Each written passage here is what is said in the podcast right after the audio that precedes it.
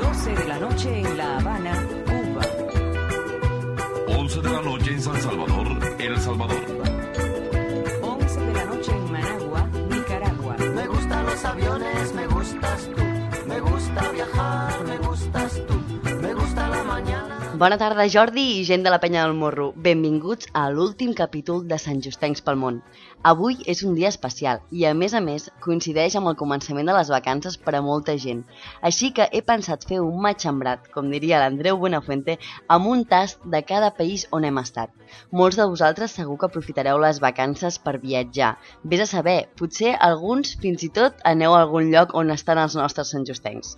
Si és així, escolteu el programa d'avui i endueu-vos les recomanacions de les millors coses dels països on viuen els santjustencs. Que comenci la volta al món. Arrenquem a Buenos Aires, Argentina. De Buenos Aires, què li recomanaria?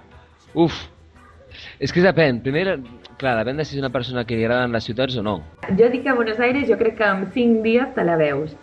Després hi ha el barri xino, que a mi em fa molta gràcia perquè no és un barri, són dos carrers, però la part és maca. A província Tierra de Fuego i és on, on diuen que és la fi del món, no? la tierra de la fin, del fin del mundo. Heidelberg, Nuremberg i Berlín, Alemanya. Bueno, els, els, els judicis de Nuremberg són famosos perquè quan la història és que Nuremberg era una de les ciutats preferides de Hitler. I de Berlín?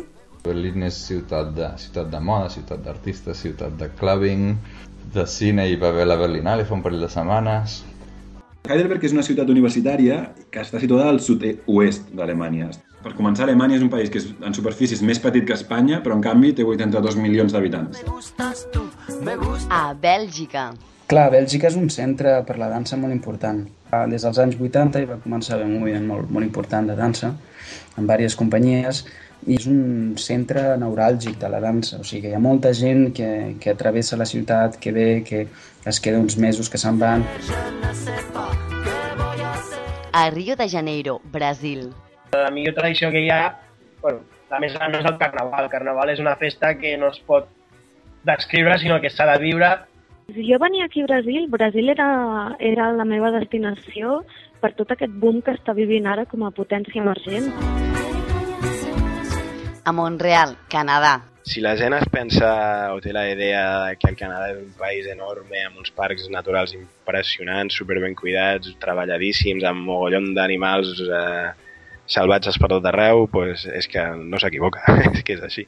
Com que és la part francòfona de Canadà, s'han quedat com una mica, per mi, amb el millor de cada casa i Montreal és l'exemple perfecte. A Phnom Penh, capital de Cambodja. Cambodja és un país eh, fascinant perquè és un país que tot just reneix, està renaixent de les seves pròpies cendres, no? Bueno, és, és immediat. El, el xoc eh, visual és immediat. És a dir, tu quan arribes aquí, el, el primer que veus és el tràfic. A Bordeus, la Provença, Lió i París, França. Eh, mica en mica doncs, he anat descobrint llocs macos de Bordeus. Bordeus té... Hi ha un riu que travessa la ciutat, que és la Gaona, i hi ha un passeig alrededor de tot el, de tot el riu, és una passada. És molt bonic i a més ara que arriba el bon temps doncs fem pícnics d'allà. pues això, que estem, estem rodejats de terrenys i terrenys i terrenys vinícoles i és maco de veure, eh? això és veritat. Hi ha pobles que són molt monos també, hi ha, per exemple, el poble més famós pel que és el Vi Saint-Emilion, a veure, jo he viatjat per França, però és que cada ciutat és totalment diferent. Hi ha molta ciutat medieval perquè hi ha molta història medieval a França. A veure, Salon de Provence és un poble molt petit. Eh, són 30.000 habitants. Aviam, Lió té una, un casc antic, diguéssim, que és monument, és patrimoni mundial de l'UNESCO. La ciutat es troba a, a la confluència de dos rius, la, la Roina i el, la Son, i llavors, clar, hi ha molta aigua, hi ha molts ponts. En diuen cuisine de terroir, que és la cuina del, del territori, no? de la terra. Són productes que si el, que si el foie, que si molta cosa de, de porc tenen... Doncs pots anar, per exemple, a París a la, a la Poumofetà, per exemple, al, al cinquè, menges una crep i després és un barri que està ple de cinemes d'aquests de, que diuen d'art i assaig.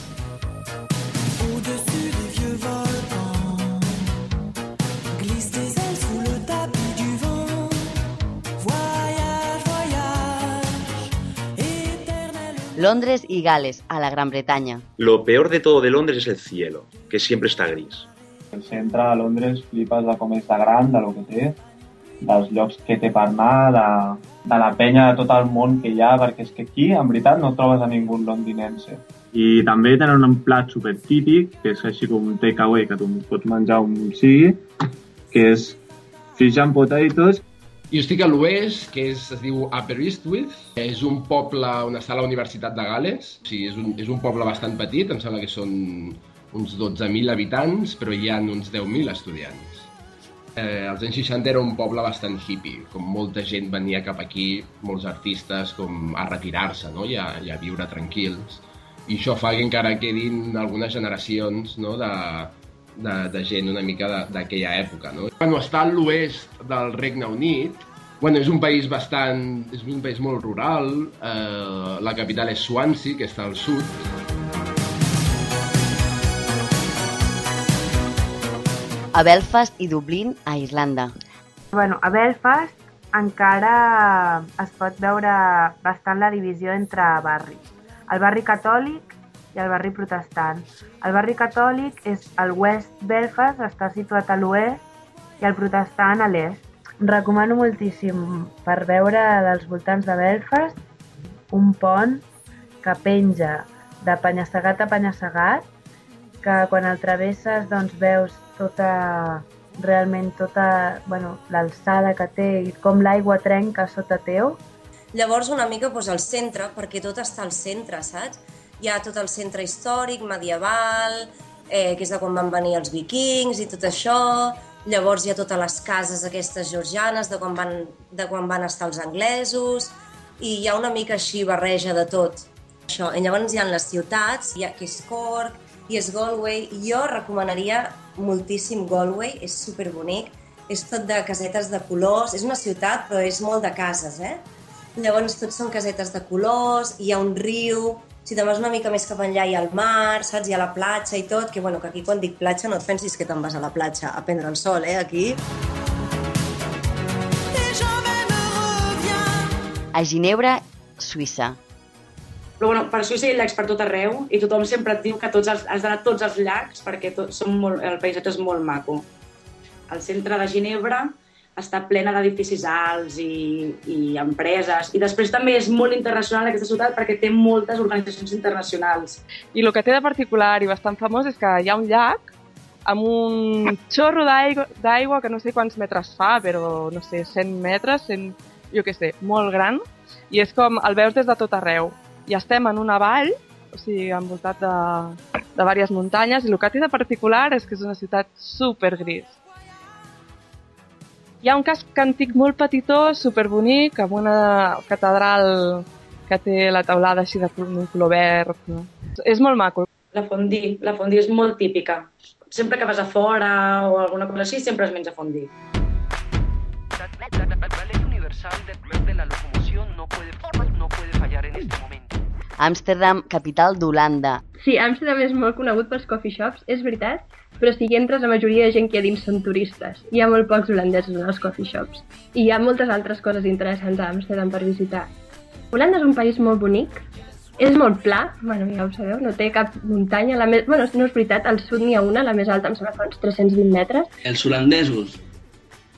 Costa, costa. Has de, has de fer una mica... Passa una, una mica això passa a Catalunya, no? Jo haig d'aprendre holandès. Ja tradicional, a veure, tenen una cosa que es diu oblibólito o oblibólito, una cosa així, que és, que és com uns keps petitets.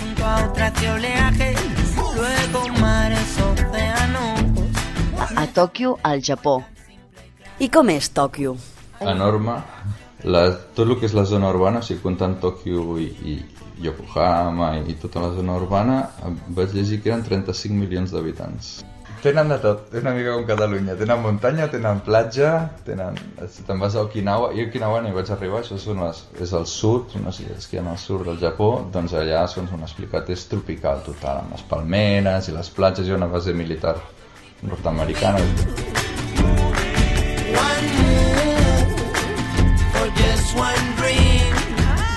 A Los Angeles i Nova York, Estats Units. Aquella gent que li agradi la, la natura, sigui, Califòrnia té uns parcs impressionants. jo diria pel, pel clima eh, i per la gent.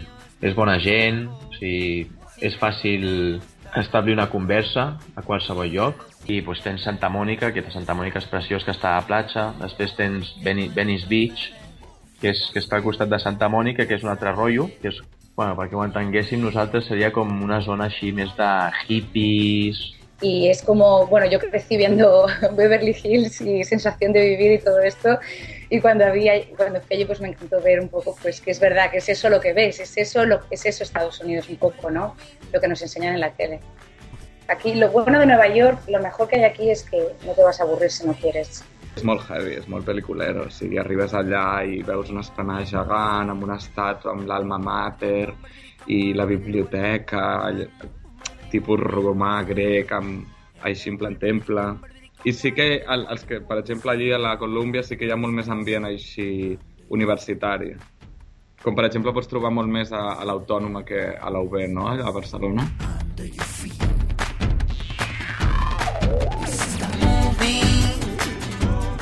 A l'Àfrica, Mozambic. està al, al, al nord de, de Sud-àfrica, eh, per sobre té Tanzània, té Malawi, llavors si anem baixant té Zimbabue i té Botswana, o sigui, fa frontera amb tots aquests, i per l'altre cantó té el mar, el mar eh, Índic.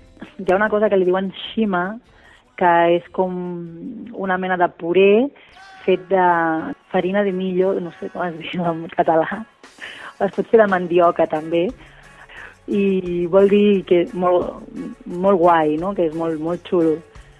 I sempre diuen Maninganai. Solo voy con mi pena, sola va mi condena. Nicaragua a l'Amèrica Central i Perú a l'Amèrica del Sud. Més enllà de Managua tens una Nicaragua extraordinària. Sobretot per, per això, perquè encara hi ha poca gent que, que ho coneix, hi ha poca gent que ve, i tu pots anar a una platja d'aquestes caribenyes que tots coneixem des de les pel·lícules o les fotografies, que no hi ha ningú, no? O sigui, estàs sol a la platja, o hi ha cinc persones amb tu, i, esclar, és una situació molt privilegiada, això, no? I tot el que és la part de muntanya també és molt interessant, perquè aquí un dels cultius bàsics del país és el cafè. La cultura cafetalera és, també és molt important. Allà s'agafa un tren que et porta fins al poble d'Aguascalientes, que és on està la muntanya Machu Picchu, que és, és impressionant i que és molt recomanable visitar si vens a Perú. Sí, a Trujillo, al nord del Perú. Està a la costa, diuen la ciutat de l'eterna primavera perquè normalment sempre fa bon temps. Estocolm, capital de Suècia. I fa uns dos mesos que he arribat i ara mateix començo a descobrir uh, la ciutat d'Estocolm i la societat sueca en general. I la veritat és que estic meravellat. Llavors, eh, té un centre antic en una de les illes que es diu Gamla Stan i allà doncs és la ciutat antiga. Aquí a Estocolm sí que es conserva un, un, un nucli urbà antic de l'època mitjaval i són cases eh, així de dos o tres pisos mm, amb carrers eh, estrets, eh, cases de tots colors i als baixos doncs, doncs molts d'aquests edificis doncs, conserven com una espècie de coves. Eh, és un país que no té grans muntanyes, però es caracteritza per, per la seva verdor a l'estiu i per la seva blancor a l'hivern, bàsicament. I finalment, Hong Kong i Canton, a la Xina. Bueno, Canton és com li diem als estrangers, en xinès es diu Guangzhou. Tenen una dita que la gent de Canton es menja tot el que vola menys els avions i tot el que corre menys els cotxes. I és veritat. Hong Kong és impressionant. És una ciutat petita i la, la principal ciutat està la meitat a la illa i la meitat a la península. Pues quan vas a la, a la península a mirar el que és la illa, o al revés, és impressionant, saps? Perquè, clar, veus tot, tot allò allà de cop, pumba, una massa gegant de- d'edificis i de tot, que és impressionant, i tot de llums i colors. Jo us recomano moltíssim, eh? Around the world, I've searched for you. I travel on when hope was gone to keep a rendezvous. I fins aquí Sant Justencs pel món. Ha estat un plaer viatjar amb vosaltres i sobretot donar les gràcies a tots els Sant Justencs aventurers que ho han fet possible. Espero que el programa us hagi fet agafar ganes de volar, de descobrir nous indrets i d'unir-vos a la gran colla de Sant Justencs pel món. Fins la propera.